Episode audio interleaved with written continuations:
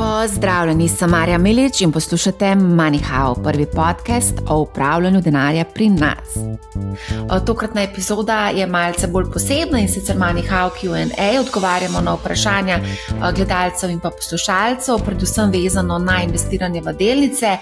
In sicer poskušali bomo nekako obnoviti znanje, ki smo ga usvojili v delavnici investiranje v delnice. Dobili smo kar nekaj konkretnih vprašanj, poskušali bomo seveda čim bolj konkretno odgovoriti, vendar vseeno bi vas rada spomnila, da je ključna domača naloga, ki jo upravimo sami. O tem boste tudi več slišali v nadaljevanju. Z menoj sta Andraš in Matej.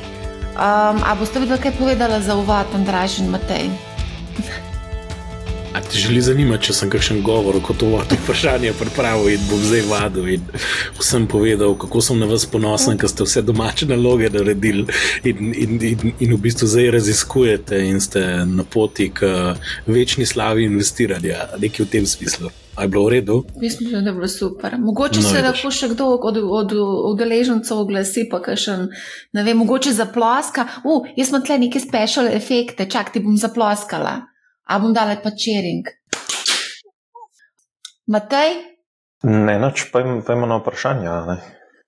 Okay, dobili smo nekaj vprašanj, nekaj je bilo vezano na dejansko investiranje v delnice, nekaj je bilo tudi zelo takih splošnih ETF-ovskih, tako da se bomo vsem tudi dotaknili teh ETF-ov, ki smo jih tudi obdelali v naši drugi delavnici investiranje za začetnike. Tam je bil več manj fokus na ETF-ih. Naredili smo pa tudi eno primerjavo z vzajemnimi skladi. Veliko teh vprašanj je, no, še zmeraj se mi zdi, da ta osnova uh, mora biti, uh, tako da, uh, kar se tiče pač neka osnova, nek, osnov, uh, nek temelj temu portfelju, no, da zdaj nimamo samo uh, delnice. Uh, ampak vsem, um, zdaj. Eno vprašanje so bila v bistvu vezana na, na to, da v bistvu naredimo mi domačo nalogo na mesto udeležencev in sicer v smislu, če bi bilo možno narediti kratko analizo nekih pač delnic.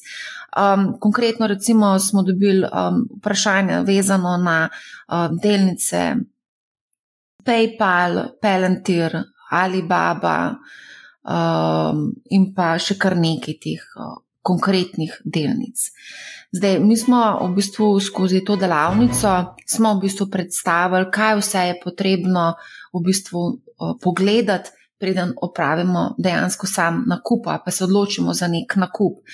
Ko gremo v, de, v investiranje v, v, v delnice, konkretne delnice, gremo v to zgodbo za dalj časa, ne lovimo nekih um, nekega dna ne, in ne lovimo nekih vročih zgodb. Ne. Pa bi vsem tukaj, Matej in Andraš, če lahko vidimo, mogoče komentirata. Um, zdaj, tukaj imamo konkretno pač vprašanje, um, če bi lahko naredili kratko analizo, recimo konkretno PayPala, um, zanima pač našega uh, poslušalca, um, kaj konkretno, katera tveganja mi tukaj vidimo konkretno pri tej delnici. Omenja pa tudi, da so nakupna priporočila, mnogo je namreč nakupnih priporočil, uh, upad je bil 82%. Ta upad je bil 82%, da meni jasen. A to je nakupna priporočila, da je 82% bilo za na, nakup, verjetno te delnice. Nisem šla gledati, pa je pa iskreno povedano.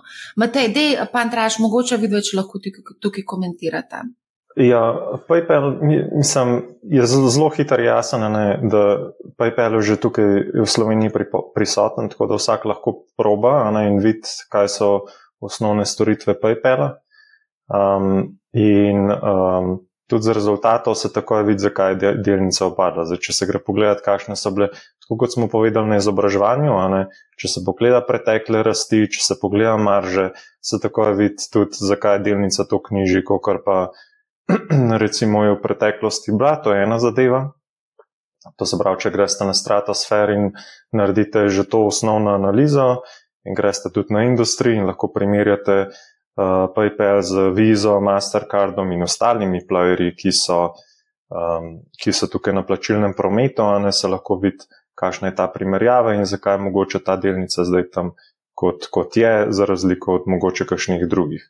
Zdaj, to je ena stvar, ne, to se pravi, to je trenutno vrednotenje, kakšen, kakšne kazalnike ima ta podjetje. Uh, potem so pa tukaj um, še, še druge stvari.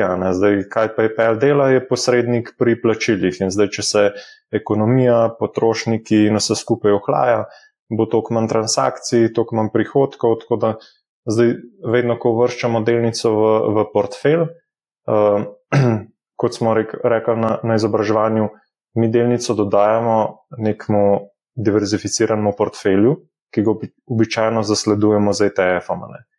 In zdaj tukaj je glavno vprašanje, ali se želimo v tem ekonomskem okolju dodatno izpostavljati uh, PayPalu, oziroma zakaj bi se mu, kaj, je, kaj so tukaj dodatni razlogi, da bi se dodatno izpostavili uh, plačilnemu prometu, oziroma posredno uh, potrošniškemu trendu, oziroma potrošni, splošni potrošnji um, in e-commerce. Tako da tukaj nismo, um, nismo dobili dodatnih pojasnil oziroma razlogov od, od, uh, v tem vprašanju, zakaj, zakaj se nekdo. Uh, Zakaj gleda PayPal? Ne? Bistveno lažje bi bilo odgovoriti na vprašanje, če, če, uh, če bi dobili zraven razloge, zakaj se mu zdi zanimiva, zakaj, zakaj bi mogoče PayPal lahko v prihodnosti dosegel višjo rast, kot jo tukaj zdaj vidijo analitiki, recimo 8%, ni neka vznemirljiva rast pri PAE-u, ne vem koliko, 7, 15, 17, ne vem koliko je zdaj trenutno. Tako da tukaj je cel kupenih razlogov, ne, ki, jih, ki jih moramo pri domači, razlo, uh, pri domači nalogi uh, ugotoviti uh, oziroma si razložiti, um, in potem pač bo tudi jasen odgovor, ne, ali pa je pa zdaj v tem trenutku zanimivo ali ne. A je tukaj, ali lahko sem mogoče tukaj, ja. ker sem šla ravno kar pogledat. Uh, ja, tukaj je skoraj 50% je dalo priporočilo, na, priporočilo uh, buy, uh, targetirana cena je pa 82, uh, pri, trenutno pa kotira pri 54, um, tako da dolarjih na, na delnico. Ne. Ampak tako, že, že če, če spremljamo, ne, PayPal ni vznemirljiv več. PayPal je nek uh, legacy fintech, ne. Uh, vidimo, da Stripe konkurira, da, da uh, Apple prodira v ta sektor, da Google prodira v ta sektor. Že tako, ko sami uporabljamo one te storitve in plačujemo na internetu, vidimo, da, da včasih je bil PayPal recimo uh, vezan na, na uh, eBay in je od tega precej, precej slonil na eBayu. Uh, mogoče dodaten boost dobo skozi e-commerce uh, med, med COVID krizo, Ampak zdaj pa nekako v bistvu cel kup uh, konkurentov, ki ponujajo tudi financing zraven zapakiran in, in uh, tudi Visa pa Mastercard se trudita na tem segmentu in, in rasti 8% na rasta, ne, ki jo PayPal zdaj prihod, uh, na prihodkih doživlja, ni, ni vznemirljiva oziroma ni, ni razloga, da bi, da bi delnica imela nek, neko visoko vrednotenje v tem trenutku. No. A bo še ti, Andraš, kaj dodal? Ja, sej Uh, mislim, da je Matej kar veliko v bistvu razlogov naštel, zakaj ta delnica tam, kjer je. Jaz bi rekel, da en izmed ključnih faktorjev je konkurenca. Te konkurence je vedno več in v bistvu tudi ta trg postaja vedno bolj zrel. Te firme so tudi zelo velike v končni fazi. Ne? Veliki sistemi mal težje rastejo naprej, če niso sami dominatorji samega prostora. Ne? Apple je že lahko zrastel, kot je zrastel, ampak je definitivno v nekem čist svoji ligi. Ne? Tukaj je pa konkurentov kar veliko, ne? od Stripa, Ediana, recimo tudi Edian, recimo kot nek evropski uh, payment services, uh, samorok, ne? je doživel svoj krut pristanek. Zdaj, ker smo videli tako upad delnic, avtomatično psihologija deluje na tak način, da zdaj morajo biti pocena. Zdaj, v bistvu te delnice so zdaj uvrednotile nek popolnoma drug scenarij, kot se je predvideval še dve leti nazaj. Uh, to je ena stvar. Torej, rast je bila pričakovana višja, pa smo pa na to imeli še tak hype investiranja v koroni, ki je določene delnice poslal v stratosfero. Zdaj, pri tej delnici se dogaja dve stvari. Eno se fundament upočasnjuje, sama rast, torej se mora že tako pač znižati vrednotenje, kar je bilo pač vračunane drugačen scenarij nekoč v preteklosti in se ta pač ni uresničil in je treba trg reprice delnico, pa se pa še ekscesi v bistvu kle uh, price ven. Jaz bi po mojem občutku rekel, da je ta, ta, ta delnica bliže nekemu fair value danes, kot je bila kadarkoli v preteklosti, in mogoče se, se, se, se je potrebno vprašati v prihodnji payment infrastrukturi, kakšno vlogo bo igral uh, PayPal. In zdaj, če se malo mogoče raj navežem na delavnico, da nam vzame Picado metal, koliko je vredna delnica, pa je to zdaj zakupiti, pa vzraslo čez šest mesecev nazaj. Um, tukaj, v bistvu, če se spomnite, smo govorili o izzivalcih, uh, liderjih, o obrambi, o motu, ker mot je pač obrambni jarek, torej ključna konkurenčna prednost, ki jo ima neko določeno podjetje in tukaj v bistvu s tem si lahko mečkam pomagamo. Torej, to je bilo en, en del, torej kam uvrstimo posamezno podjetje v sam ekosistem panoge. Drugo je bilo pa, kakšno rast dosega, in naučili smo se, da v bistvu podjetja z visoko maržo in z visoko rastjo dosegajo premijska. Um, v bistvu vrednotenja. Zdaj, visoka marža lahko pomeni tudi bruto marža, ni nujno, da je to sam dobiček pod črto, ampak pač tisto bruto dobiček na samem produktu. In zdaj pri PayPalu je točno to, kar je rekel pač Matej. Mal je bila tukaj posledica, da plima dvigne vse ladje, uh, dve let nazaj, Trenutno pa deluje tudi v okolju, ki je popolnoma drugačno. Tudi zaradi višjih obrestnih mer, v bistvu ta stvar zgleda malo drugače kot je že prej, že v osnovi više zahtevana donosnost, torej v bistvu moraš še hitreje raz, da isti vrednotenje v bistvu nekako upravičeš. Ne? Tako da v bistvu jaz mislim, da tukaj se dejansko trd pristanek teh delnic v payment uh, services sektorju dogaja, ne samo pri PayPalu, in da je treba mečkam biti, tukaj bo treba biti malo potrpežljiv. Meni men se zdi en tak tipičen pattern, kjer zgleda value, pa je lahko mal value trap. Zato, ker dejansko se lahko marsikaj zgodi na premiku v, v, v payment infrastrukturi.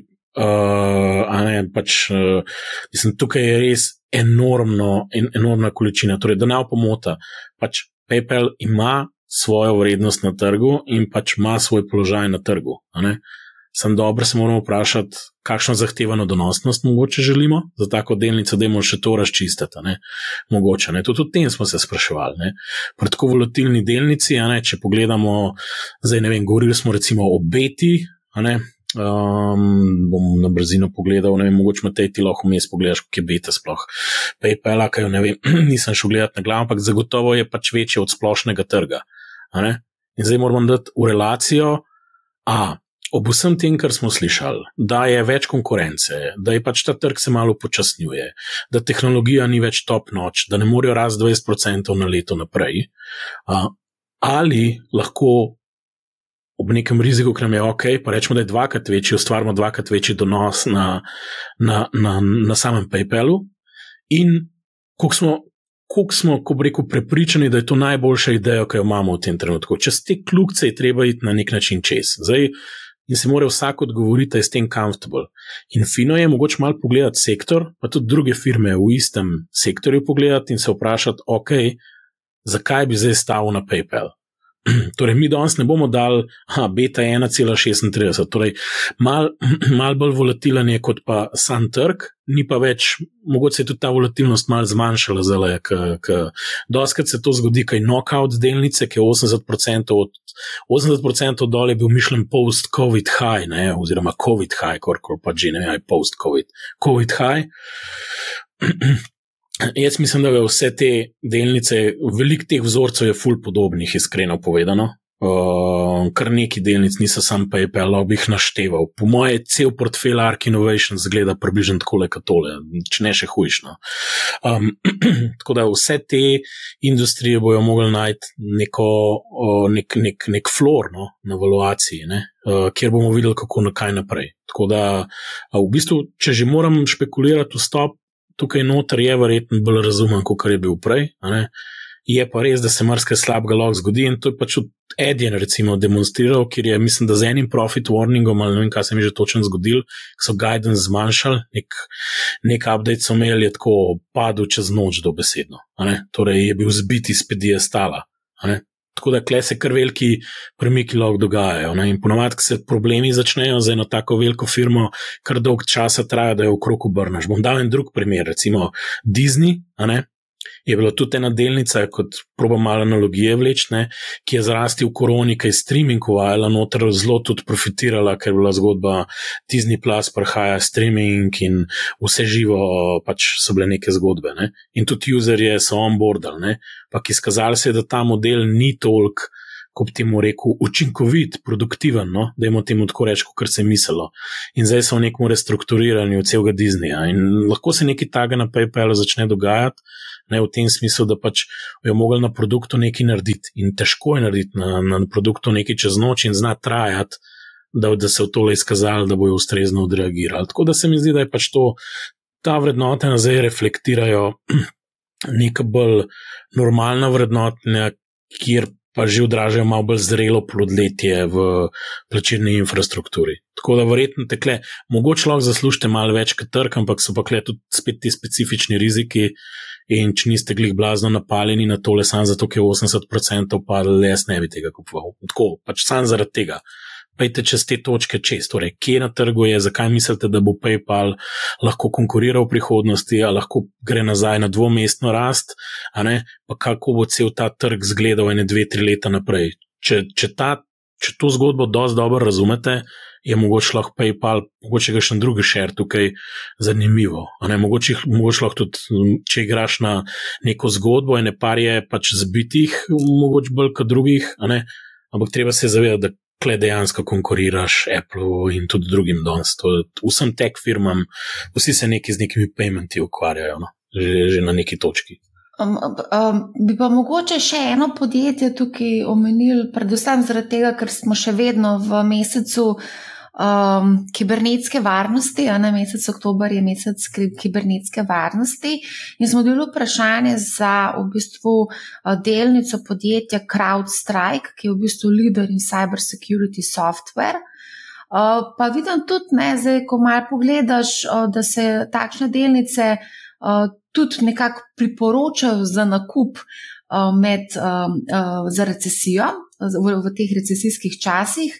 Pa mogoče, če vse lahko, glede na to, da se povečuje geopolitična tve, trenja, da je vse več v bistvu teh cyber, cyber atekov, da vse več podjetij posluje v oblaku in se s tem v bistvu tudi izpostavlja tem nevarnostem. Kaj se pa recimo, recimo mislite o recimo tem? CrowdStrike in uh, cybersecurity software, ki ga v bistvu ponuja. A je to ena taka panoga, ki ima neko, ki je zanimiva, glede na to, da vidim tle, da imajo nek subscription, uh, glede na to, da se pač ta storitev vse bolj uporablja. Kaj se vidi, mislite konkretno o, teh, o tem? Ok, mogoče lahko jaz nekaj o tem. Ne? Um, definitivno je security en del internetne infrastrukture, ki je ključen going forward. In zdaj, kar se dogaja, je neke vrste renesansa podjetij v IT-ju, ki ponujajo software, ki so del infrastrukture, kot je vem, dostava vsebin, uh, cloud compute, kjer kodo na nekih strežnikih pri uporabniku, varnost in vse to so pomembne stvari. Ne, ne samo v kontekstu vojne, pa nekih napadov, pa nekih dronov ali pa karkoli, ampak nasploh so to trgi, ki praviloma bojo rastli z visoko dvomestno rastjo v naslednjih nekaj letih. Zaradi tega, ker tudi AI zahteva, rekel, določene sisteme, ki imajo v zadju določene zelo tehnično zahtevne produkte, ki zagotavljajo to varnost. Tako da to, ta firma je definitivno zanimiva v kontekstu tržnega položaja, ki ga ima in hitre rasti, ki jo dosega. Ne? Je pa spet ta stvar treba nekako videti v tem kontekstu, da so kleto vse neki riziki, ki bi se jaz resno vprašal, koliko jih zdaj, če vam jaz rečem, to je zanimiva firma in seveda zadnjo leto je delnica zrasla 73% in je jasen, zakaj je za vse zanimiva. Ker če bi zrasla nič procentov, ne vem, če bi bila tako zanimiva. Mogoče padla 70, bi bila bolj zanimiva, kot če bi nič, nič bilo. V bistvu, torej, klemamo že nek outperformance in karkoli je zrastel v zadnjem letu, je neka tema povezana z neko avtonomnostjo AI in, in, in, in to v bistvu nekim novim tehnološkim premikom, ki smo bili priča. Zdaj pa, kaj se nam lahko zgodi? Lahko se nam zgodi, da če bo vse neko ekonomsko upočasnjevanje, se bodo neke določene stvari implementirale počasneje in se lahko zgodi tudi. Ta delnica tako zgleda, ne? to je des, vem, 13-kratnik prihodkov naslednjega leta, recimo. Dobička praktično nima nič, in vs, ker vse investira v bodočo rast. Oziroma, PE leta 2025 večkratnik je 400 krat. In zdaj, če se mi spomnimo, Dajmo se spomniti delavnice. Ne? Torej, ne odgovarjamo, morate zdaj kupiti to delnico, ampak hočemo vam pomagati, kako je mogoče fino gledati. Ne? In tam smo vedeli, da to je sigurno zdaj nek disruptor. In, bizom, to je že tako velika firma, da težko rečeš disruptor, ampak nek ima pošten tržen položaj in veliko obrambni jarak in raste tako, kot raste ta industrija. Torej, dober proksi za security IT, po mojem, je tole. No? Um, in zdaj, zdaj imate inštrument, prek katerega se voste po panogi na vzgor, ko ta raste, ta delnica raste. Ne? Zdaj pa samo ta panoga raste 20%, ne 80% na leto. Ne? Kaj to pomeni? To pomeni, da se smodi vlagateljem že podritijo, da, da je v bistvu una mal FOMO zgodba, da jim to kupiti, ker to moramo pač imeti. Tako da jaz bi bil mal previden na sami evaluaciji, ker gre malo v konu zgor, jaz temu rečem. Tako mal pospešuje. In to je pa ta riziko. In tam, če se spomnite, smo imeli, ok, imamo liderja, imamo neko tehnologijo, ki je nova, imamo neko obrambo, ampak po drugi strani se moramo tudi vprašati, ali bo ta seštevek ne vem, nekih faktorjev rasti in profitabilnosti, če upravičuje dejansko vrednotenje. Ne? In take delnice imajo zelo, zelo malo, malo prostora za to, da falijo kaj. No?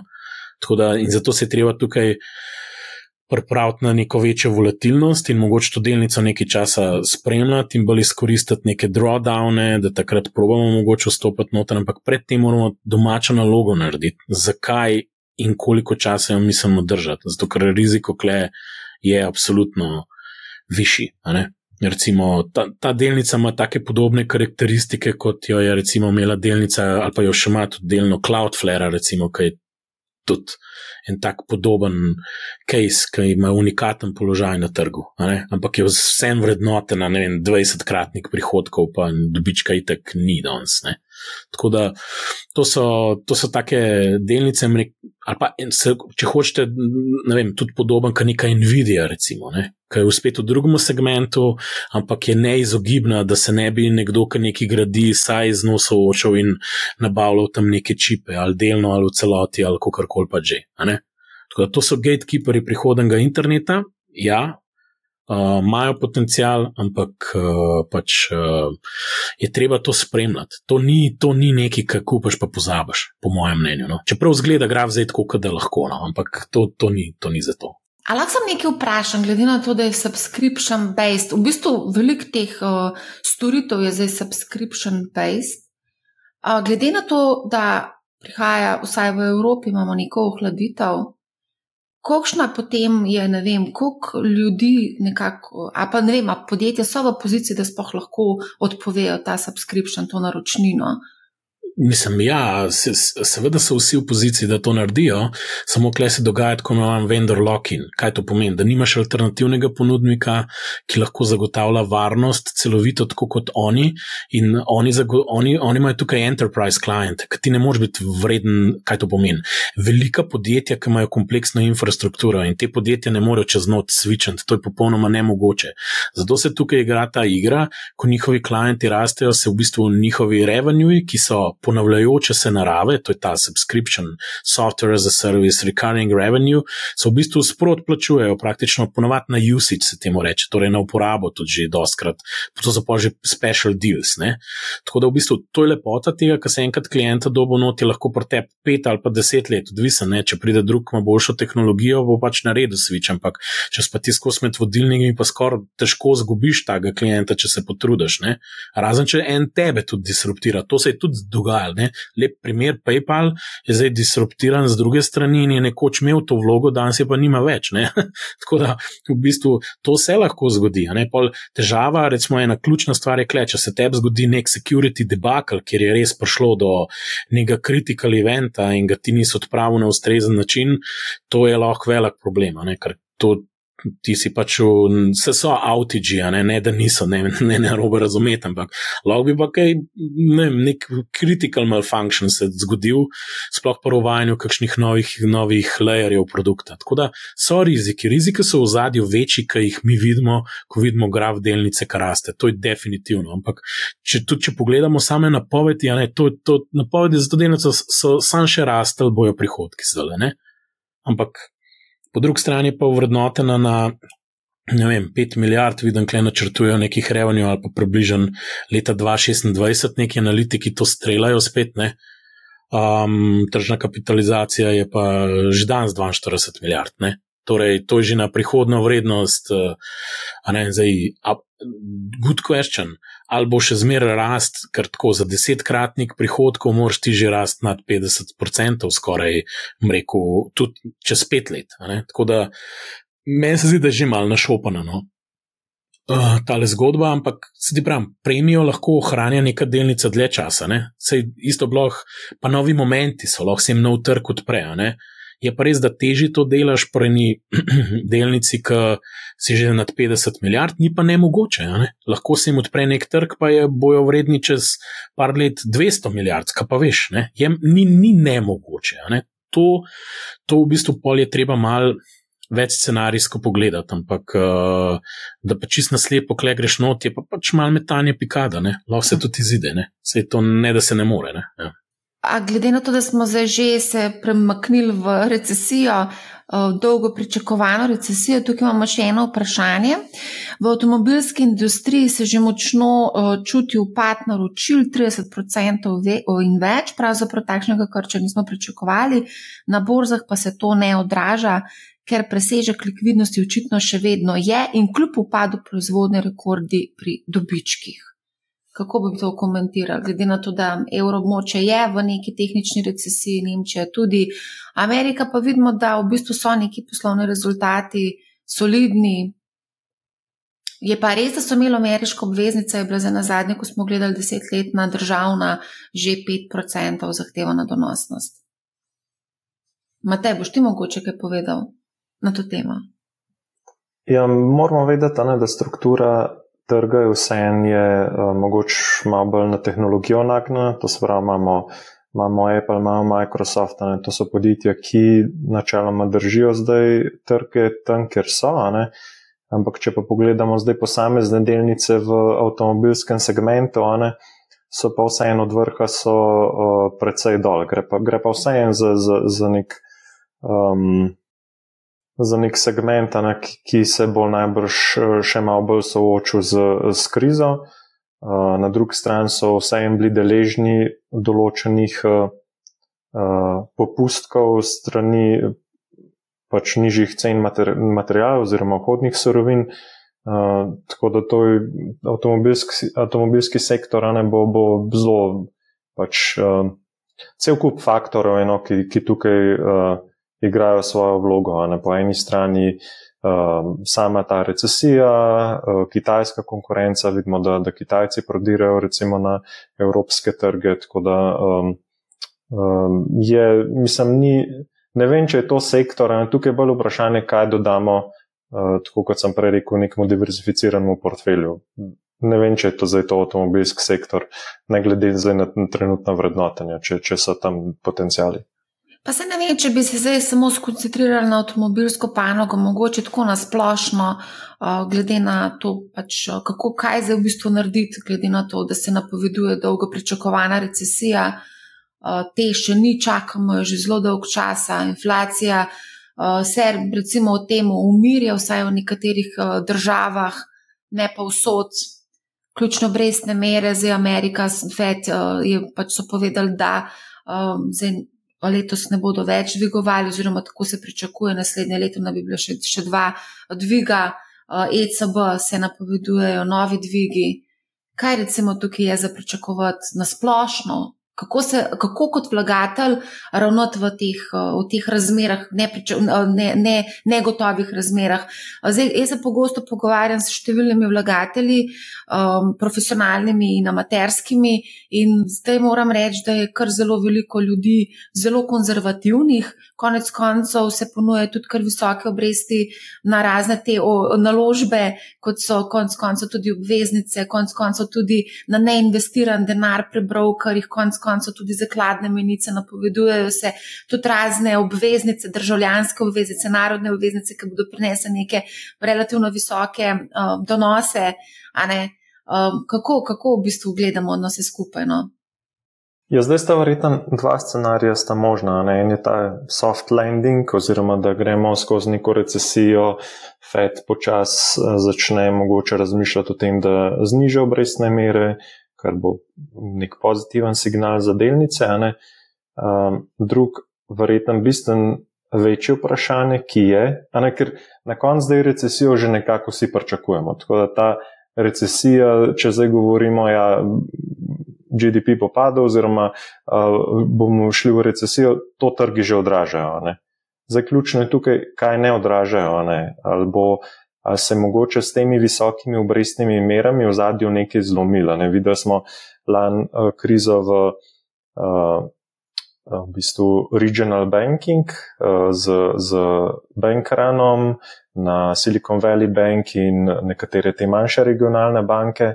Uh, zdaj, to je bil en signal, da se v zadju nekaj dogaja in se mi zdi, da se večina teh institucionalnih vlagateljev se boji predvsem tega, da se v zadju v tem sistemu nekaj zlomilo, oziroma da lahko pride do neke večje krize, ki se običajno pač nažalost pokaže predvsem v bančništvu.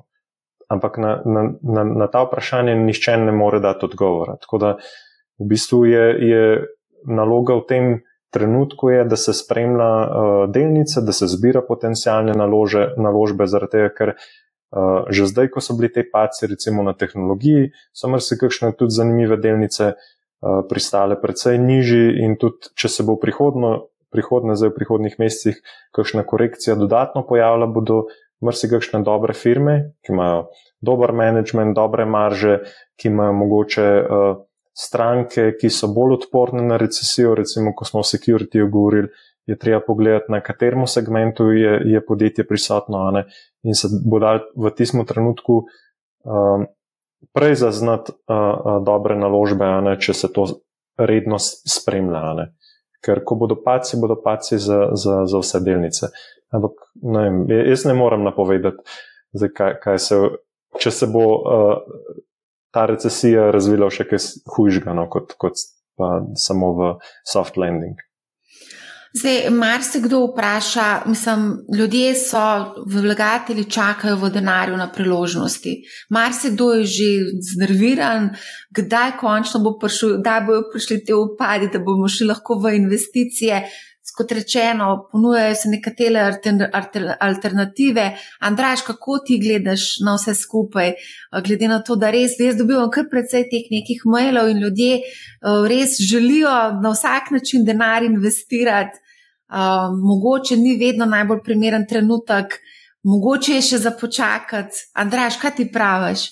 Mislim, tukaj je ključno vprašanje, koliko časa bomo mi investirali, pa kaj je naš hold period. Če mi gledamo dolgoročno, mislim, vprosti izraz, kako giv zašita v recesiji ali ne. Mislim, sorry, to je čist nepomembno vprašanje na dolgi rok, ker kaj. Najprej bojo vaše enote šle dol, pa boste vi držali in bojo šle gor. Ok, v redu. Zdaj, če boste pa vse na najnižji točki kupili, ja, bo šlo pa mal več gor. Ne? Ampak mislim, da je bolj pomembno to, da neko, a, zmerite dve stvari, razpoložljiva sredstva danes in vaš razpoložljiv dohodek skozi recesijo, ki bo na voljo za to, da boste pač pridobivali enote. Nižji je vaš razpoložljivi dohodek skozi recesijo, če mislite, da imate tvegane izgube službe, ste lahko malo bolj previdni pri vstopu in razporedite ta znesek, ki je razpoložljiv danes na investiranje, na nekih, da imamo reči, 12 do 24 mesecev. Jaz dvomim, da v več kot 24 mesecev ta rukar navzdol trajal, pa bomo lahko še zmeraj imeli recesijo, samo neki svalkal, neka nihanja bo, mogoče bo dvojno dno, ampak ne bo več tako globoko. Zdaj pa, kar jaz mislim, da v, te, v ta trenutek v trg ni uračunano. Ne, dajmo se v tem vprašati, kaj ni uračunano v trg, kaj je tail risk. Torej, vsi govorijo, recesija bo, ampak bo soft landing, vsi bluzi, to bo nam bo vse rad, mi smo popolni, svet je popoln, naše okolje je popolno in mi smo popolni. Ma en drek smo popolni, nismo popolni, delamo napake, centralne banke delajo napake in zato imamo tudi sranje po svetu, ki ga gledamo v tem trenutku ta sranje po svetu je posledica napak odločitev voditeljev po svetu. Kakorkoli gledamo, ker konflikt bi vsak se lahko izognil, če bi znali se pogovarjati na ustrezen način. In isto bomo imeli tukaj. Torej, kaj ni uračunan? Nimamo ekstremne rasti uračunane not, ker se jo res težko predstavljamo, potem, ko smo pumpali denar noter praktično, torej to ni uračunan noter. Tudi ni uračunan ekstremen. Drawdown, torej neka stvar, ki potisne gospodarstvo bistveno globlje kot mi mislimo. Vse smo malo pesimistični, sej so stvari bolj beriš, ampak se upravičujem, dokler bojo delnice, IT delnice med 10 in 20 kratnikom prihodkov tako, pač, ker je tako, to more biti, mi še zmeraj nismo pesimisti, kakorkoli gledamo. Torej, če bo prišlo do nekega problema za delniški trg, bo ta problem, nažalost, mislim, da zelo velik ker vse ostalo je uračunano, kaj nek smo, nek soft landing bo in ni problema. Zdaj pa, kako se produktivno tega lotiti, a bo prišel, ne vem. Kakšna je verjetnost tega, ne vem. Spremljam in gledam sproti. Zdaj pa, najbolj enostavno je capital allocator, ki pa gledajo 2, 3, 4, 5 let naprej.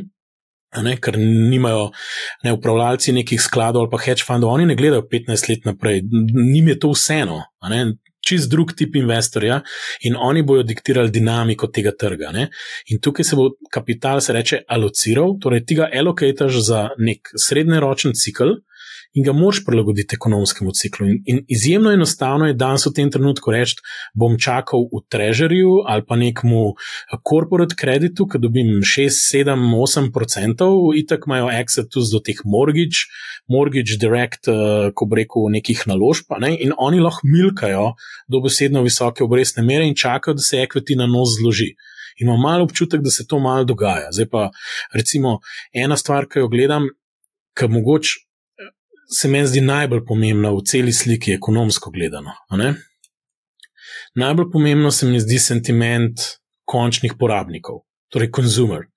Konzumer ameriški je vedno pomenil 70% ameriške ekonomije in zadnjih, sorry, tri leta je bil subvencioniran tako kot še en kol. To je tako kot otrok na cuclu, sorry, direkt bom povedal. Ne? Z vseh živih ste, bile so nizke obrestne mere, nafta je bila nizka, stimulus čeki so bili, bila je sicer korona, ker je bilo zelo grozen, trg dela je tako vroč, da so vsako službo dobo, mislim, ne vsako, ampak dobo si službo, no, pa se bom tako izrazil, torej je na rekordu. Ne? Ta konzumer je zdaj šele začutil bolečino, ker so mu zaloge pošle, K, obrestne mere so visoke, obroki na kartice so tudi, seveda, vsi obročni in morgiči, in vse to pač, a, a, so se mal povečali, eni meni imajo fiksne, se jim pač niso, ampak ne morejo pa uporabiti svoje bajte za, za, za bankomat, torej da se je vrednost povečala in bomo dodatno hipoteko vzeli, pa tudi če je, je draga, torej goriva zmanjkuje. In če pogledamo, recimo, consumer sentiment ameriškega uporabnika je zmer slabše, v bistvu, zmer, zmer slab zgled seveda, kakorkoli gledamo zdaj serijo. Tudi leading economic indicators, ki je nek indeks, ki ga Conference Board, to je ena inštitucija, gleda, je zgleda dokaj zanačno, po domač povedan. In zdaj imamo nek disproporc med zgodovino, kjer pa vidimo kaj. Corporate profite, ki so rekordni, rekordne marže, tako najviše v zgodovini praktično. Ravno tudi zaradi tega, ker ti IT giganti, ki so monopoli, pač to profita zdaj vam pluvajo na drugi strani pa real economy, ki zgleda, da je že zdaj šel na nos mal. In to je ta razkorak. In zdaj ne vemo, kaj se je tukaj zgodilo. Jaz sem videl FED, pa une nile kaškarije, ki neki bluzijo tam, ko bo soft landing. Pa poslušali smo epizodo od Egona za krajška, da itek ne vidijo več kot en mesec naprej. Ali, ali koliko je že bilo, sorry, ne, ni bila neka taka številka, ki je nek posloven model, ekonomski model in oni zelo zgodaj dobijo podatke in pol merijo en mesec, dva naprej, v bistvu pa ne vejo ker če bi vedeli, pa tudi inflacija ne bi tako izgledala, kaj izgledala, a je res. Tako da dejstvo je, da ne vejo, da smo, imamo za sabo eno obdobje res debelih krav in da so tveganja mal bolj naravnana na to, da se lahko kaj bolj ekstremenega z večjo verjetnostjo zgodi, kot bi se sicer. A se bo, ne vem, zdaj pa kako se obnašati. Temo na to. Pač obnaša se tako, da ko v bistvu uh, delnice, uh, ko reko, upadajo in se ugrajeno tveganje povečuje, načeloma to ni takrat obdobje, ki greš ti stran. To je obdobje, ki pač moraš nadaljevati z neko svojo strategijo. In moraš long-term view delati. Ne moreš gledati 10 let naprej, 15 let. Če ste 10-15 let naprej, pol vas nima kaj skrbeti. Če ste pa 3-4 leta pred upokojitvijo, pa je neumnost tole zdaj kikant noter v delniški trg, ker se igrate z ognjem. To je moje mnenje. In zdaj pa za vse tiste, ki v bistvu ste na pasivni, mislim, pasivni, imate nek vrčevalen, nek savings plan, nek recurring nakupe, jaz se sploh ne preveč sekiral. Jaz bi se bolj ukvarjal, imam razpoložljiv dohodek, lahko normalno živim tudi skozi recesijo, ker ravno takrat, ko bo najbolj črno, boste vi mogli nadaljevati. To je od te nakupi, ki tako se dolgoročno poprečje dosega v končni fazi. Sej, če bi kupovali samo takrat, ko na vrhu ne naredite 8%, jih naredite 3 mogoče, če samo takrat kupujete, ali pa nula, če, če, če zadanete vrha. Ne? Torej, glih to ne smete. Torej, vi se morate v psihološki kot postaviti, kjer ste pripravljeni na najhujše. Ker tudi, če se ne zgodi najhujše, bo itek pol sam še boljš. to, to je neka logika. Ne? Zdaj pa, zato mogoče. Seveda je zanimiva tema, kdaj bo recesija, kdo ta prvi zadev, pa to je malo, kdo, kdo zmagal na igrah brez meja, no, po domače povedano.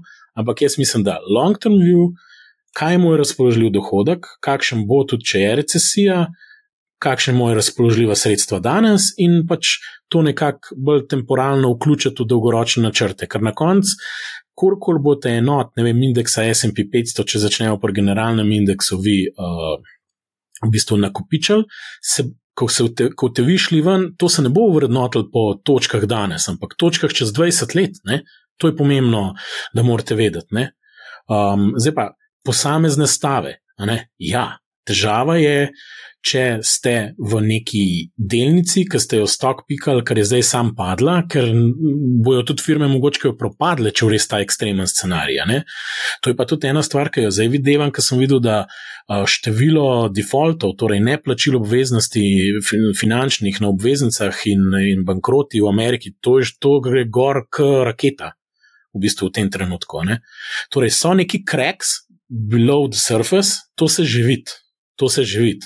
In v bistvu, če se to sešteje skupaj, bo, to, te subprime krisisi so bili tako brez veze, po domač povedan, če me ne vprašajo. Zaradi tega, ker pač, če samo malo konzumer nazaj korak naredi, ne, mi smo vajeni 10-20% nominalne rasti. Če gre to naenkrat na nula, je to tak šok za sistem, ki ga nismo videli. Ker ta inflacija je spodbujala tudi zapravljanje na nek način, no, ne vem, ko ne rečem drugače, in zadolževanje. Zdaj se pa kar modus spremeni v kontrasmer. In je čist druga ekonomska realnost, kjer se morajo vsi poslovni modeli in tudi manj ljudi, verjetno, narabaš, tudi bolj produktiven si. Tako da bo, bo pač to se mi zdi, no, da, da pač, ko se ustavi ekonomija, težko reči, da je kar soft landing sam po sebi, ker je zdaj neka visoka zaposlenost, rekordne marže za nazaj. Torej, enostavno ne vemo. Tako da je bolj se pripraviti na malce bolj črn scenarij. Se bom tako rekel, obvezniški trg, ki se dolgoročno giblje v dokaj podobno smer kot delniški, by the way, če, če bi dal dva ETF-a gor, a ne smer govorim. Ne? V tem trenutku zgleda obvezniški trg, kot da bi bil Pearl Harbor tam. Tako, da ga je en zbombardiral, 50% dol zadnjih x let, ne, praktično čez, dober, čez državo, sicer ne, ampak zadnjih par let, pet let. Ne. Delnice so pa gor. Torej, tukaj neki, neki, neki kriči, ali so obveznice, obveznice postajajo vedno bolj atraktivne, plačen si, da to da čakaš in to že na državnih bondih, brez da riziko sprejemaš, ekonomija se ohlaja. Kdo bo zdaj masivno kupoval delnice? Kaj je zdaj logika? Če se še konzumer ohladi, pa še temni telvinda, pa malo geopolitičnih tveganj, je logično, da se začenja nekaj dogajati. Zdaj pa. Zadnja stvar je pa še to, da udeležencev na trgu, ki so tudi v bistvu manjši vlagatelji, ki mogoče niso šli čez vse te krize čez, pa nimajo tega horizonta, je pa tudi kar velik če tle nastane panika, bo, bojo mogoče taki premiki, kot smo GameStop videli gor, imamo lahko kakšne scene na dol. Tako da ne vem.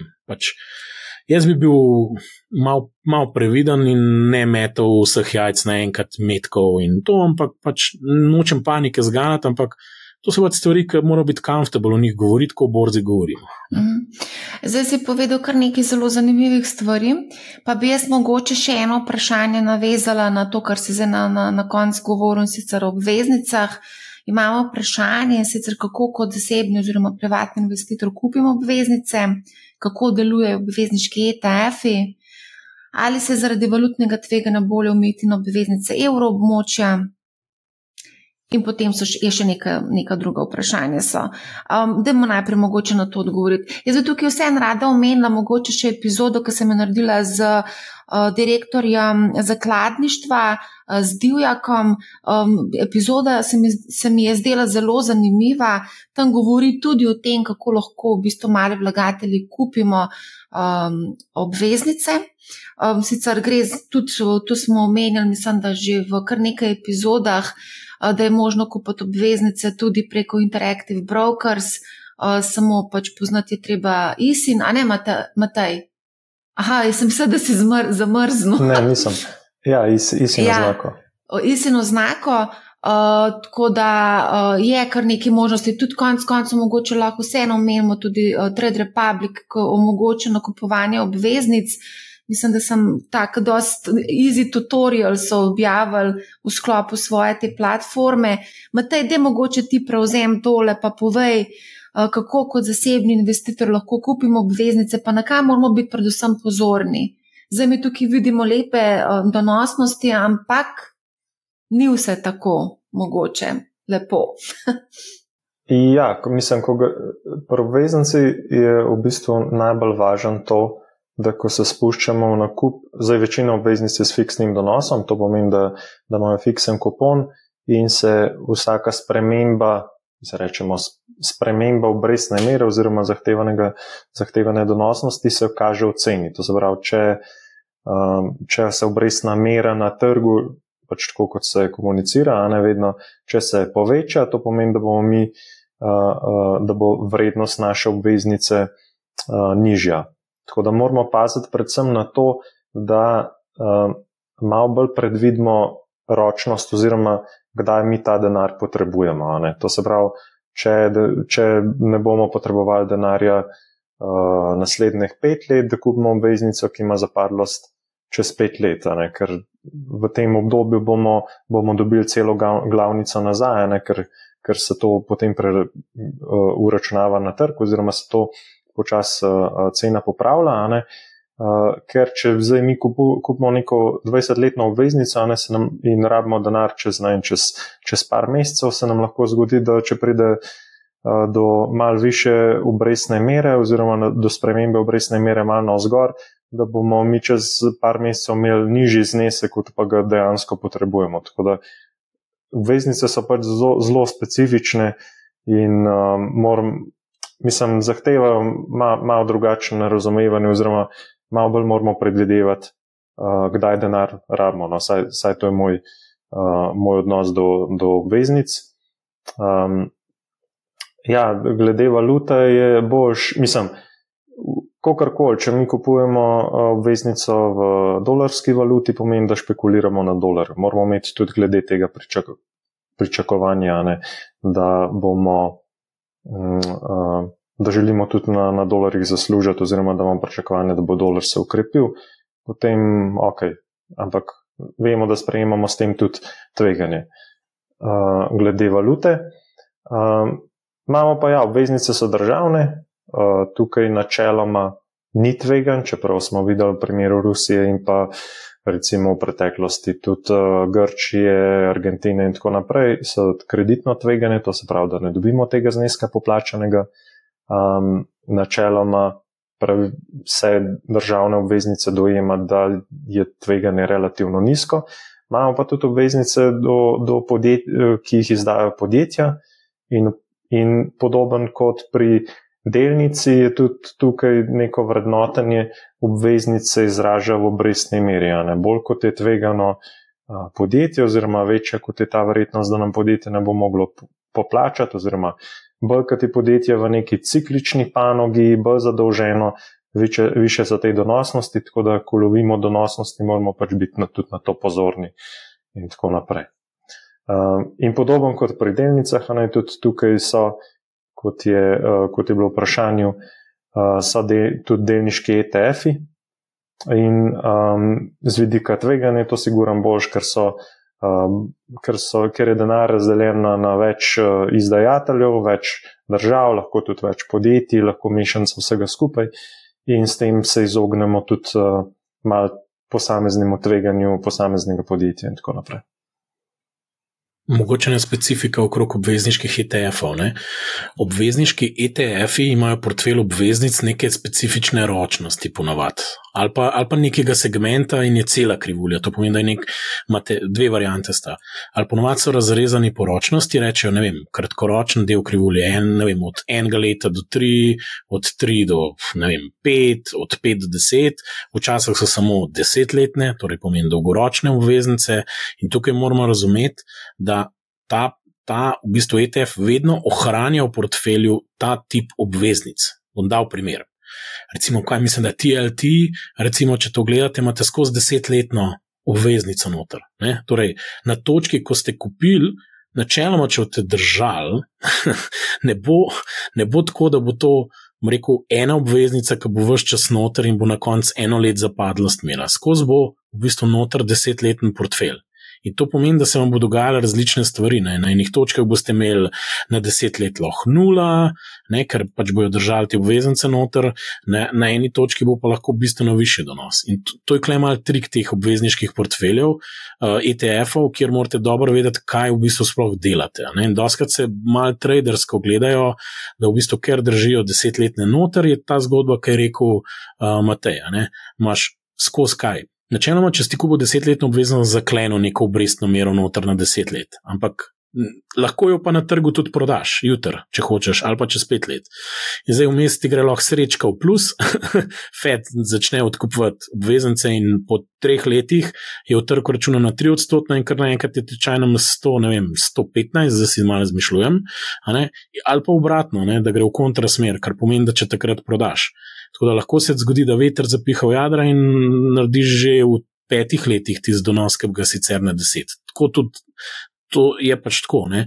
In te, te ETF-ji mal, da jim rečem, mal nekako sedijo temu, da, na, da nam čist preveč zakomplicirajo, ker, ker ni tako enostaven. Zdaj, če greste pa direktno obveznico kupovati, je pa fajn mogoče, da merite da zaklenete neko donosnost, ki je za vas ok na nek rok, kot je rekel Matej, ker lahko kupite za tri leta in imate imeli obrestno mero in je to to, pstite primir. Zdaj, če v treba, imate benefit, da to lahko prodate.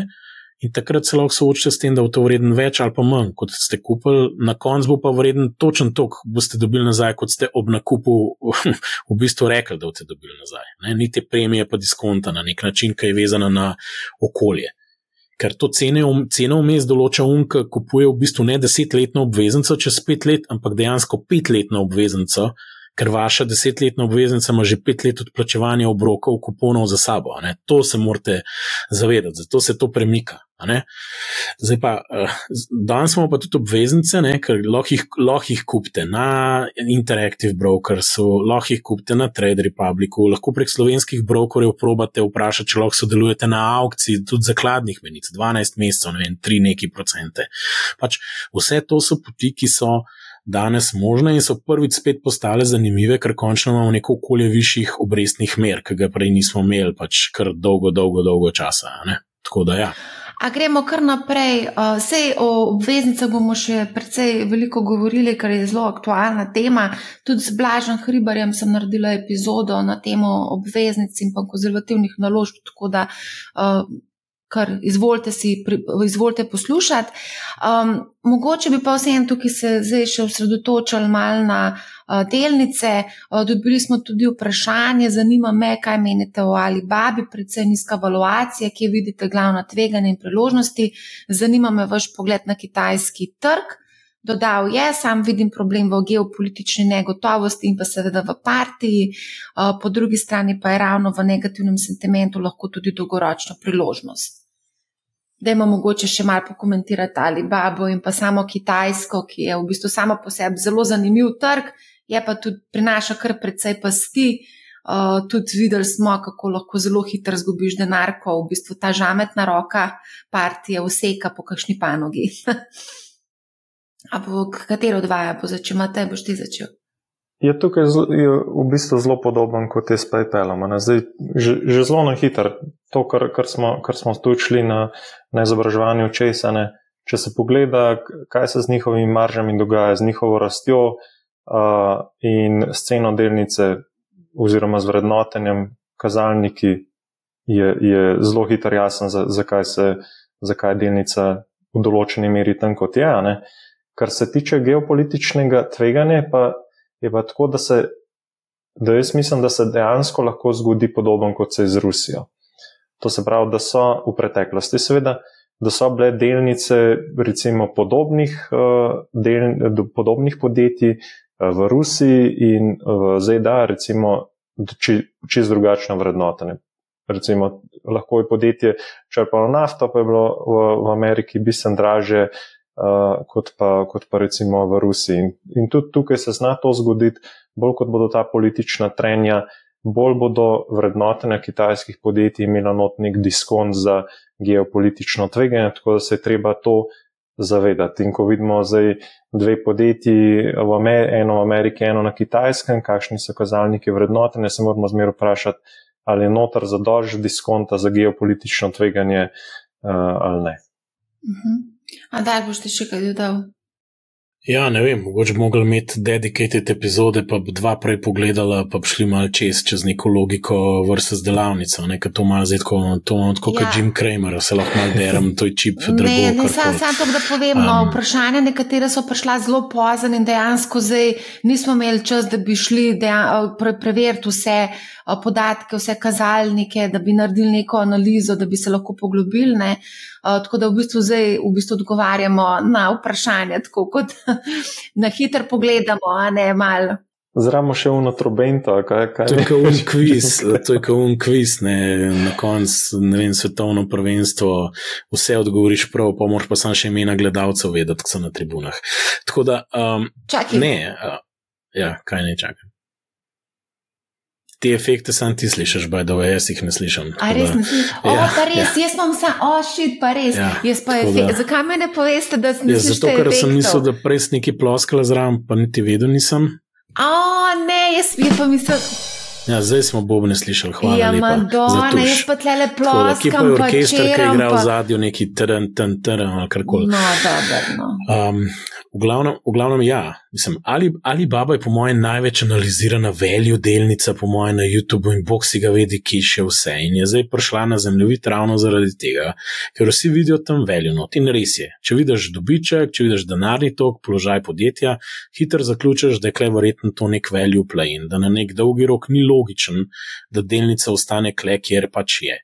To, je. to je tako. Zdaj, drugo vprašanje je, a koliko lahko raste ta delnica, ker se ali baba ne bi rasla naprej podjetje. Torej, ni vprašanje, ali je donosnost lahko na dolgi rok naredil, ne vem, tako ali bo nula ali bo ne vem, 30, vprašanje je, koliko je lahko podcenjena.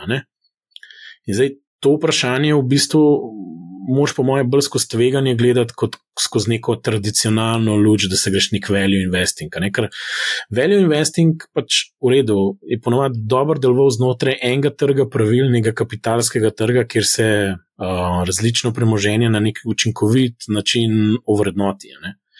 Jaz bi argument delal, da Alibaba se ne more uvrednotiti v nekem tržnem kontekstu, sploh v tem trenutku na samem trgu, ker je cel kup kapitalskih ovir, To je ena stvar, B, pa tudi čisto v bistvu vprašanj okrog same Alibabe, na katere sploh nimamo odgovorov. In zdaj, lahko bi en rekel, uh, jaz bom drugače rekel, na Alibabi zagotovo, po mojem mnenju, lahko zaslužiš več, kot bo naredil trg.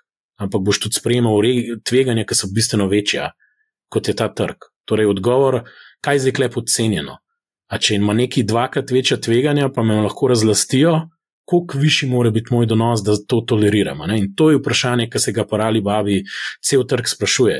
Če bi gledal desetkratnik, večkratnika, enkratnik prihodkov za tako rast, to it doesn't make any sense za eno ali babo. To je ne, nemogoče. Ne? Vsi pričakujejo rast v centru kitajske nekega konzumerja, je, to nim, nima smisla, da je vrednote nekle. To zgleda blazno podcenjeno.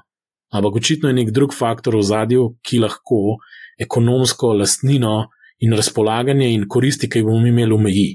Ko pa jaz vem, dejstvo pa je, da že sama epizoda z Jack Majem in vse to, kar so oni načrtovali in kaj so izvedli in kaj se je njemu dogajalo, ti marsikaj pove, kdo so ljudje, ki diktirajo tudi, kaj se v Alibaba dogajalo. Ne?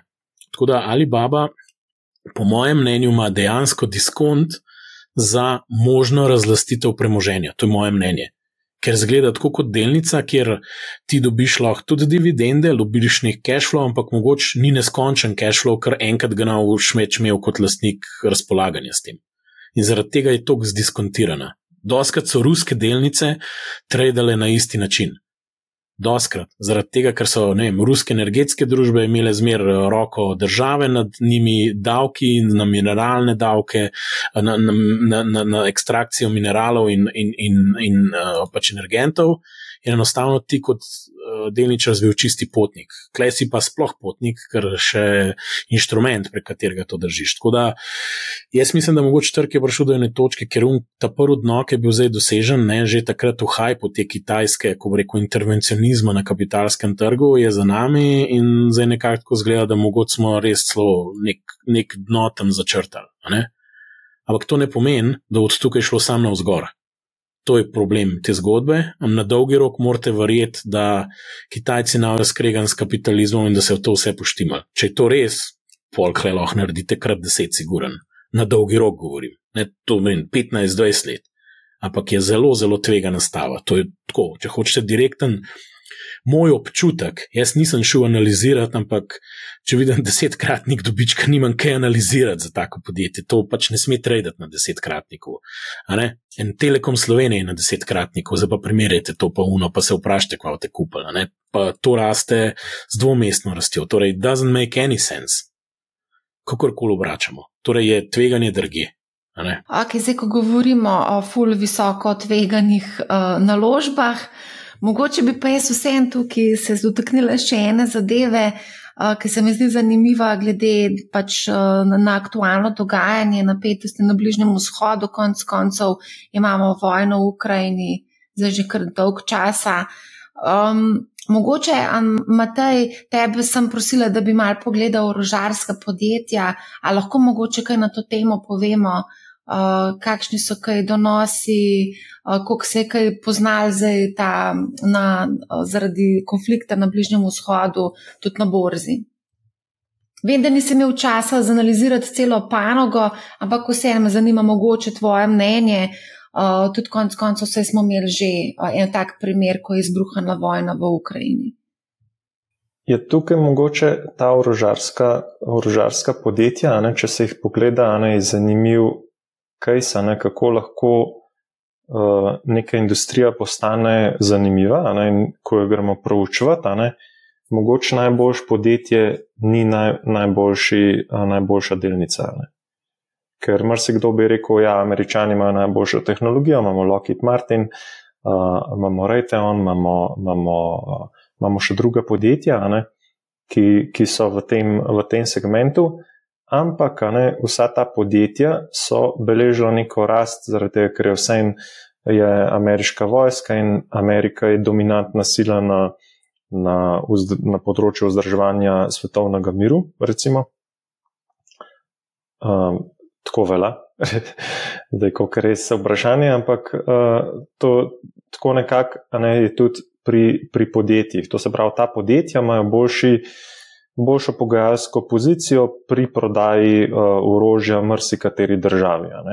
Dočim na drugi strani so pa evropska podjetja, ki so, uh, ki so bila pač talc uh, niz, nizkih vlaganj v, v upremo vojske na področju predvsem Evrope in v resnici še vedno nekih kolonij, to se pravi francoskih, eh, bivših francoskih kolonij eh, oziroma vplivnih območij v, na področju Afrike, Bližnjega vzhoda in tako naprej.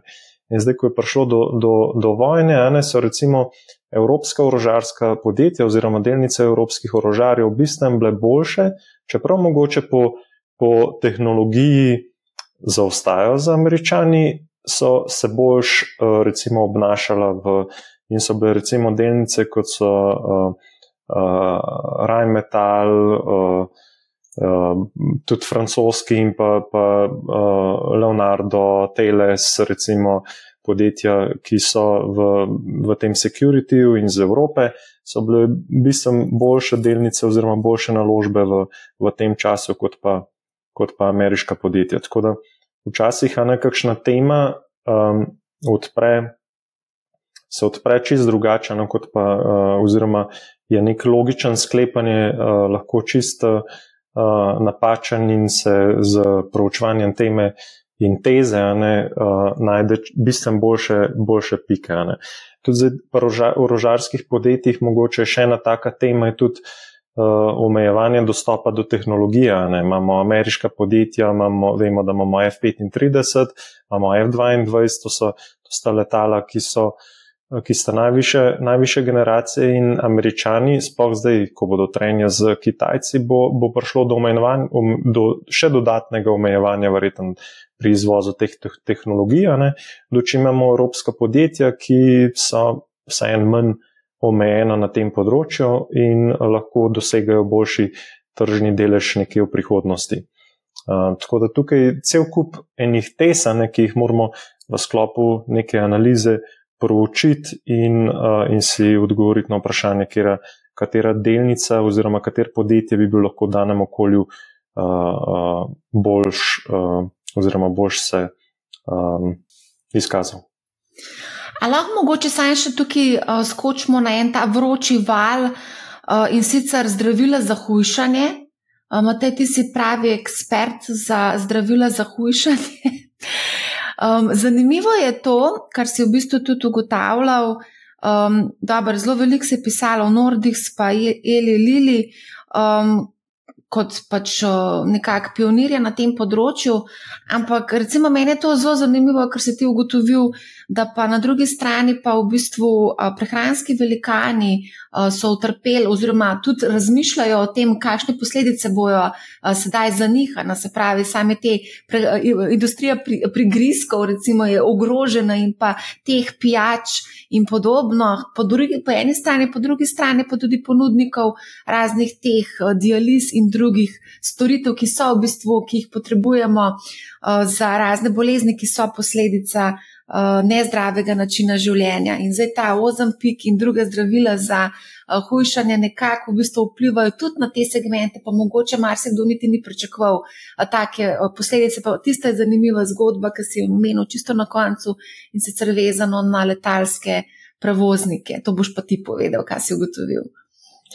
Um, ja, eno od analitikov, uh, mislim, da je Jeffries. Na Jeffries je bil ocenjen, da če bi vsak potnik United Airlines bil za 4,5 kg lažji, bi letalska družba na let prehranila za 80 milijonov dolarjev na gorivo. Tako da uh, to je ekstremen primer, oziroma ne vem, kako resen je bil ta izračun v njegovi analizi, ampak lahko vidimo, da, imajo lahko uh, določeni izdelki lahko zelo široke uh, vplive na ekonomijo in na, tudi na druge industrije, ne samo na eno samo podjetje. Uh, tako da uh, gre pa za, sploh pač se tudi vid pri podjetjih, kot sta Novo Nordisk, pa Ila Lili, ki sta zdaj vodeča na tej dirki, da uh, da delnice beležijo izjemno rast in da tudi analitiki stalno popravljajo ocene glede uh, prihodnih do, uh, prihodkov. Tako da mislim, da je bila raven danes novica, da Morgan Stanley, ki je spet um, povečal, da bodo letni prihodki presegali 50 milijard uh, za zdravila, še celo več. Tako da to, to je zelo ena taka tema, ki. Um, ki se že pojavlja, če se spremlja konferenčne klice, tudi uh, tako kot so menila pri proizvajalcih uh, prigrizkov, pri proizvajalcih hrane. Zdaj zaenkrat zelo uh, tako na hitro odpravijo ta vprašanja, ampak se mi zdi, da se bo ta trend nadaljeval, da bodo analitiki temu posvečali pozornost, ker sploh, če to, ta zdravila postajajo financirana strani zdravstva oziroma zdravstvenih zavarovalnic, bo ta uh, uporaba zdravil uh, ratala lahko precej razširjena in to potem že vpliva na pomemben delež uh, potrošnikov in to se odraz potem tudi na prihodkih. Tako da um, določene ta zdravila, so, oziroma določeni izdelki imajo zelo široke uh, uh, učinke, ki si jih zavedamo šele pa, ko pozorno spremljamo temo uh, in, in objave in tako naprej. Um, a, bo, a, a bomo samo še eno zadevo, še eno vprašanje? Uh, in sicer člani uprave Petrola so kupili delnice, Uh, to, zakaj je to zanimivo? Tega, ker so v bistvu si, so, so se nekako niso želeli uh, uh, investirati v delnice podjetja, ki ga vodijo, sem niso želeli. Uh, rekli so, da so stalno v tihem obdobju in da se nekako ne drznejo, zaradi tega, ker bi lahko bili obtoženi uh, zlorabe notranjih informacij. Um, zdaj, Ko vprašanja v bistvu tukaj nimamo, ampak je bil pa nek komentar v smislu, zakaj se je to zgodilo, oziroma um, če gre za nek dogovor. O tem smo mi tudi imeli na delavnici, smo omenjali uh, člane uprav in pa uprave, ki investirajo v uh, delnice, put your money where your mouth is, recimo temu tako. Uh, jaz sem tudi pripravila eno analizo od slovenskih menedžerjev, kdo oziroma kdo od, od članov uprav, kdo v bistvu je investiral, kateri niso investirali, koliko imajo velike portfelje. Skratka, zdaj se je temu pridružil tudi so se pridružili člani uprave Petrola. Andraša, boš ti mogoče mal povedal, um, kako se to lahko razlagamo, konc koncev lahko vidimo pa tudi ameriške men oziroma menedžerje ameriških podjetij, da v bistvu stalno nekaj investirajo. Um, mogoče lahko, a je to nek signal, kako lahko si to razlagamo. Mislim, mogo, mogoče so pa slišali malo to, da je mogoče čas, da kakšno delnico kupijo.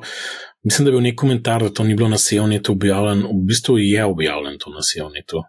Na Sevnitu je to objavljeno. Ja? Je, ja, tam bo Ljubljanska borza, Sevnit, eh, obvestilo o poslih oseb, ki upravljajo poslovodstvene naloge. Torej, oni so z lastnega žepa kupili te delnice, vsi skupaj so jih 700 kupili, by the way kar ni neka huda številka, iskreno povedano, če vemo, da je pač so kupili pri poprečni ceni tam 23, 10, 23, tako da nihče ni zbankrotiral. Vsak kupu 700.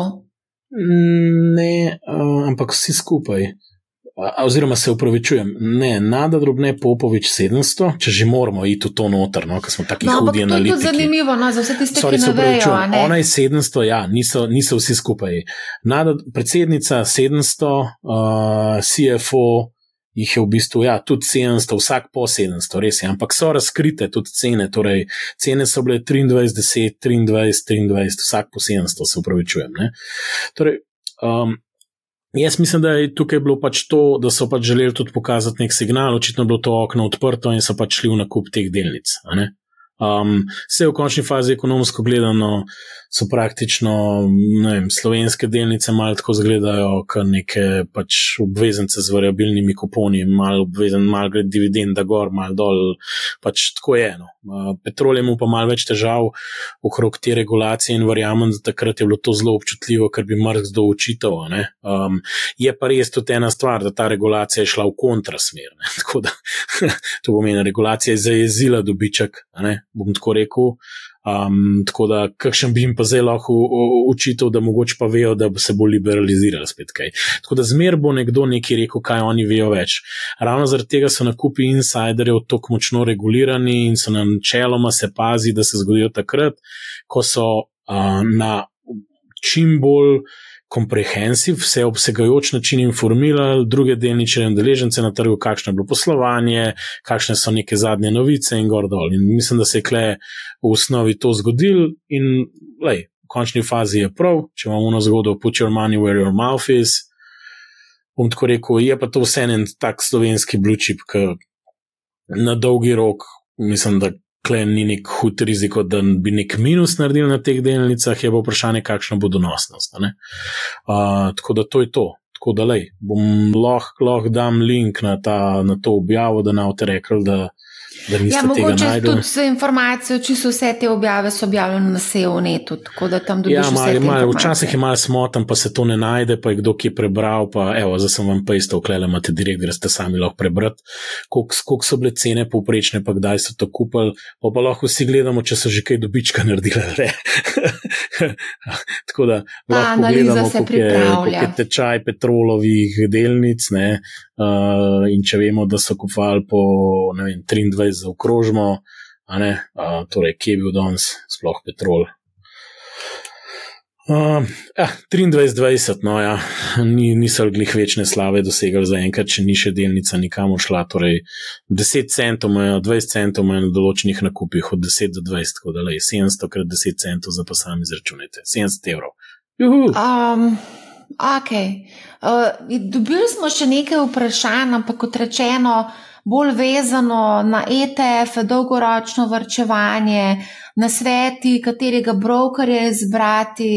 Um, Tako, v bistvu zdaj ne bi mogoče šli v to zgodbo, glede na to, da smo rekli, da bomo odgovarjali na, na, na, v bistvu, eh, na tematiko vezano bolj na delnice, kar se tiče samih ETF-ov. Smo o tem tudi kar precej že govorili, tudi kar se tiče same izbire, izbire brokerja, o tem je, smo imeli tudi kar nekaj epizod. Tudi mislim, da tista prvi um, QA, ki smo ga naredili, mislim, da smo tudi tam omenjali, kateri brokeri, oziroma tudi v delavnici smo imeli uh, brokerje, a ne smo omenili, katere brokerje imamo, katere najbolj pogosto slovenci uporabljajo, kakšne so Pač stroški. dejtel smo pregled eh, nekih različnih brokerjev, veliki se tudi pase jih po unih CFD-jih. To pomeni, da se na nek vzvod dela, pa imamo pa te pač mogoče malo bolj brokerje, ki ne grejo tok na traderje, ne, ki tradejo z finančnim vzvodom, ampak pač omogočajo različen dostop. Tako da pač sej tam so una imena noci lahko pogledate, ampak se po mojem sta nekako dve skupine uh, ljudi, ki vstopajo na trg. Uh, eni mm, so bliže izkušnji nekega mogoče sklada, ki bi nekaj avtomatizirali, pa keep it simple, pa je bolj skoraj že kaj vrčevalen načrt, ne. Pa pol zelo hit najdejo rešitev za sebe, da nam v imeni govoril, a ne ta drugi, ki pa že mal bolj stock picking delajo, pa hočejo mal več analizirati, pa hitro ugotovijo, da una rešitev, ki je simple, ni dovolj dost za njih in grejo ponovadi k nekemu brokerju, ki ima mal več uh, funkcionalnosti, a ne. Um, tako da v resnici pa vse platforme danes skoraj ponujajo nakup obveznic pa delnic, če sem čisto iskren. Tako Ja. da dostop je, ne zdaj sam kaj bolj simpel. Za tiste, ki so bolj na avtopilotu, res mogoče ni treba tam, bom rekel, iti. Uh, Vsi zakomplicirati življenje, a ne. bolj je pomembno, da imamo nek experience, ki ga razumemo, znamo tudi potem, rekel, čist dokumente, da na davčno, če moramo kaj oddati to, ampak sej, če smo pridni, to vse shranjujemo kam na koncu. ne. Vem, da je to pač nek del, ampak to je cena, ki jo plačati za to, da mogoče ti en drug ne naredi in te ti, ti, ti zaračuna na dolgi rok nekaj tisoč, tisoče evrov, v resnici, če smo čisto iskreni, jih se jih niti ne zavedaš. Ne. Ja. Ok. Um, ja, bomo zdaj počasi zaključili. Več ali manj smo odgovorili na vpraša vsa vprašanja, ki so prišla vezano na, na delnice. Zdaj, ide- želje so bile, da pač se naredi konkretna analiza, ampak mislim, da smo predstavili, kako se ta analiza naredi skozi to našo delavnico. Uh, pa Matej je imel eno dobro idejo in sicer je predlagal, uh, da uh, pač vi pripravite analizo in nam pošljete, mi bomo podali vam potem komentar, mogoče kaj ste spregledali, na kaj bi mogli biti bolj pozorni in podobno. Tako da to je tudi en način, kako v bistvu relativno hitro lahko usvojiš neko tehniko investiranja. Tako da ta ideja se mi je zdela dobra in vas v bistvu nekako spodbujam k temu, da mogoče naredite analizo neke delnice, ki se vam zdi zanim- zanimiva, po vseh teh eh, kategorijah, ki smo jih v bistvu predstavili v delavnici, napošljete in potem bomo eh, malce pokomentirali um, vašo analizo. A se, a se vam to zdi dobra ideja, Matej pa Andraž? Da drugi delajo domačo nalogo, ne pa mi, ali to je Ja, ideja. ne, se, a ni, to je ravno mantra, ki jo imamo. Naredi domačo nalogo.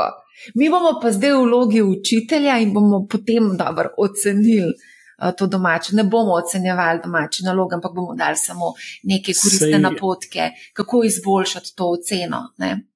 Se lahko mi mogoče prikažemo na enem primeru, kako recimo, ne vem, lahko naredimo en, govorili smo o diskontiranju dividend, lahko naredimo en modelček, ki se mali igramo, ne s tem, da bomo zdaj zadeli in mi povedali, koliko je vreden neki, ampak se mal hecamo in mečemo neke napovedi analitikov not in ugotavljamo, koliko bomo zaslužili, če se to uresniči, da mal vidimo, kako to pol zgleda. Tako da lahko do naslednjič, mogoče naslednjega meseca mi da z matem neki natuhtava bomo pol dan vam na razpolago, da so te malo sami igrali. Ker to je v bistvu čisto matematičen model, bolje vprašanje, kaj not vržeš, ne kako to zračunaš, no, iskreno povedano. No. Se pravi, boste videli to tako pripravljati, da se to pošlje vsaj kakšen teden prej, da se pač ljudje malo. Mogoče predstavlja na klicu, pa se v te pol igrali. No. Ja, ja, ja sem, to, je, to je samo modelček, ne še zmer tukaj je bolj bistvo to, da.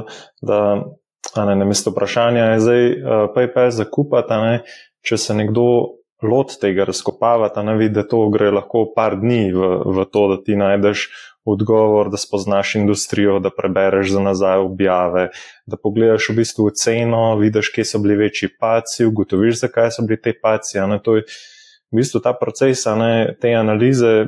Jo mora kar vsak sam narediti, da dejansko vidi, koliko, koliko časa to zahteva. Ne? Ker če ti samo en članek prebereš, nisi nič naredil. Ne? Oziroma, če poslušaš samo en komentar, ampak ti moraš za nazaj pogledati, zakaj je bila delnica občutljiva, na kaj je občutljiva, kaj analitiki oziroma vlagatelji sploh gledajo, in potem raziskati, kakšna je zdaj situacija, zakaj se bo izboljšala, in potem te številke, ki se jih v glavu narediš, ustaviš v ta modelček. Tako da tukaj so. Da ti spoznaš industrijo, je to lahko mesece dela. jaz, sem, jaz sem včasih nek drug pristop ker sem šel pa v kontrasmer, čist, ker sem rekel, kakšne so napovedi in pri dani ceni, koliko je uračunan donos v zgodbo noter in sem gledal malo na delnice, tako kot na obveznice, kakšna je, za, kakšna je uračunana donosnost od delnice in bi bili presenečeni, kakšne stvari ven meče, ker ti včasih 2-3 odstotni donos uračunan v delnico in ti alarm gori, da to je tako drago, da ne vem, če se, nek, če se kaj ti to pove. Ne? Če ti v kontrasmer pokaže, da je donos full nizek, kaj je uračunan, bojo morali vsi analitiki dvigant in cel trg bo mogel napovedi dvigant, da bo recimo ne, ta delnica rasla rasla še naprej, kot je rasla v preteklosti. Klej zelo hitro, tako imaš.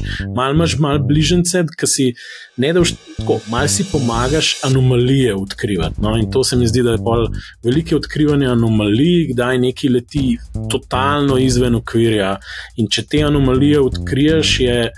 Včasih tako, pač, to je prvi korak, da naprej raziskuješ in da sprejmeš odločitev. No, fajn jih je poznati, ker če jih ne poznaš, pol ne veš, ki kje je problem, na katerega lahko, kje je mina, na katero lahko naletiš. No. Evo, zdaj smo v živo bili priča temu, kako obstajajo različne strategije, različni modeli investiranja. Ja. Vela, um, a bomo zaključili uh, za danes. Andraš, uh, Matej, najlepša hvala in vsem, ki ste bili danes uh, z nami. Epizodo, oziroma bomo to objavili tudi v oblaku, tako da boste to imeli odloženo v oblaku na mani-how.si. Tako da iskrena hvala, da ste bili z nami. Poslušajte, mani-how, ne bo vam žal in lep pozdrav.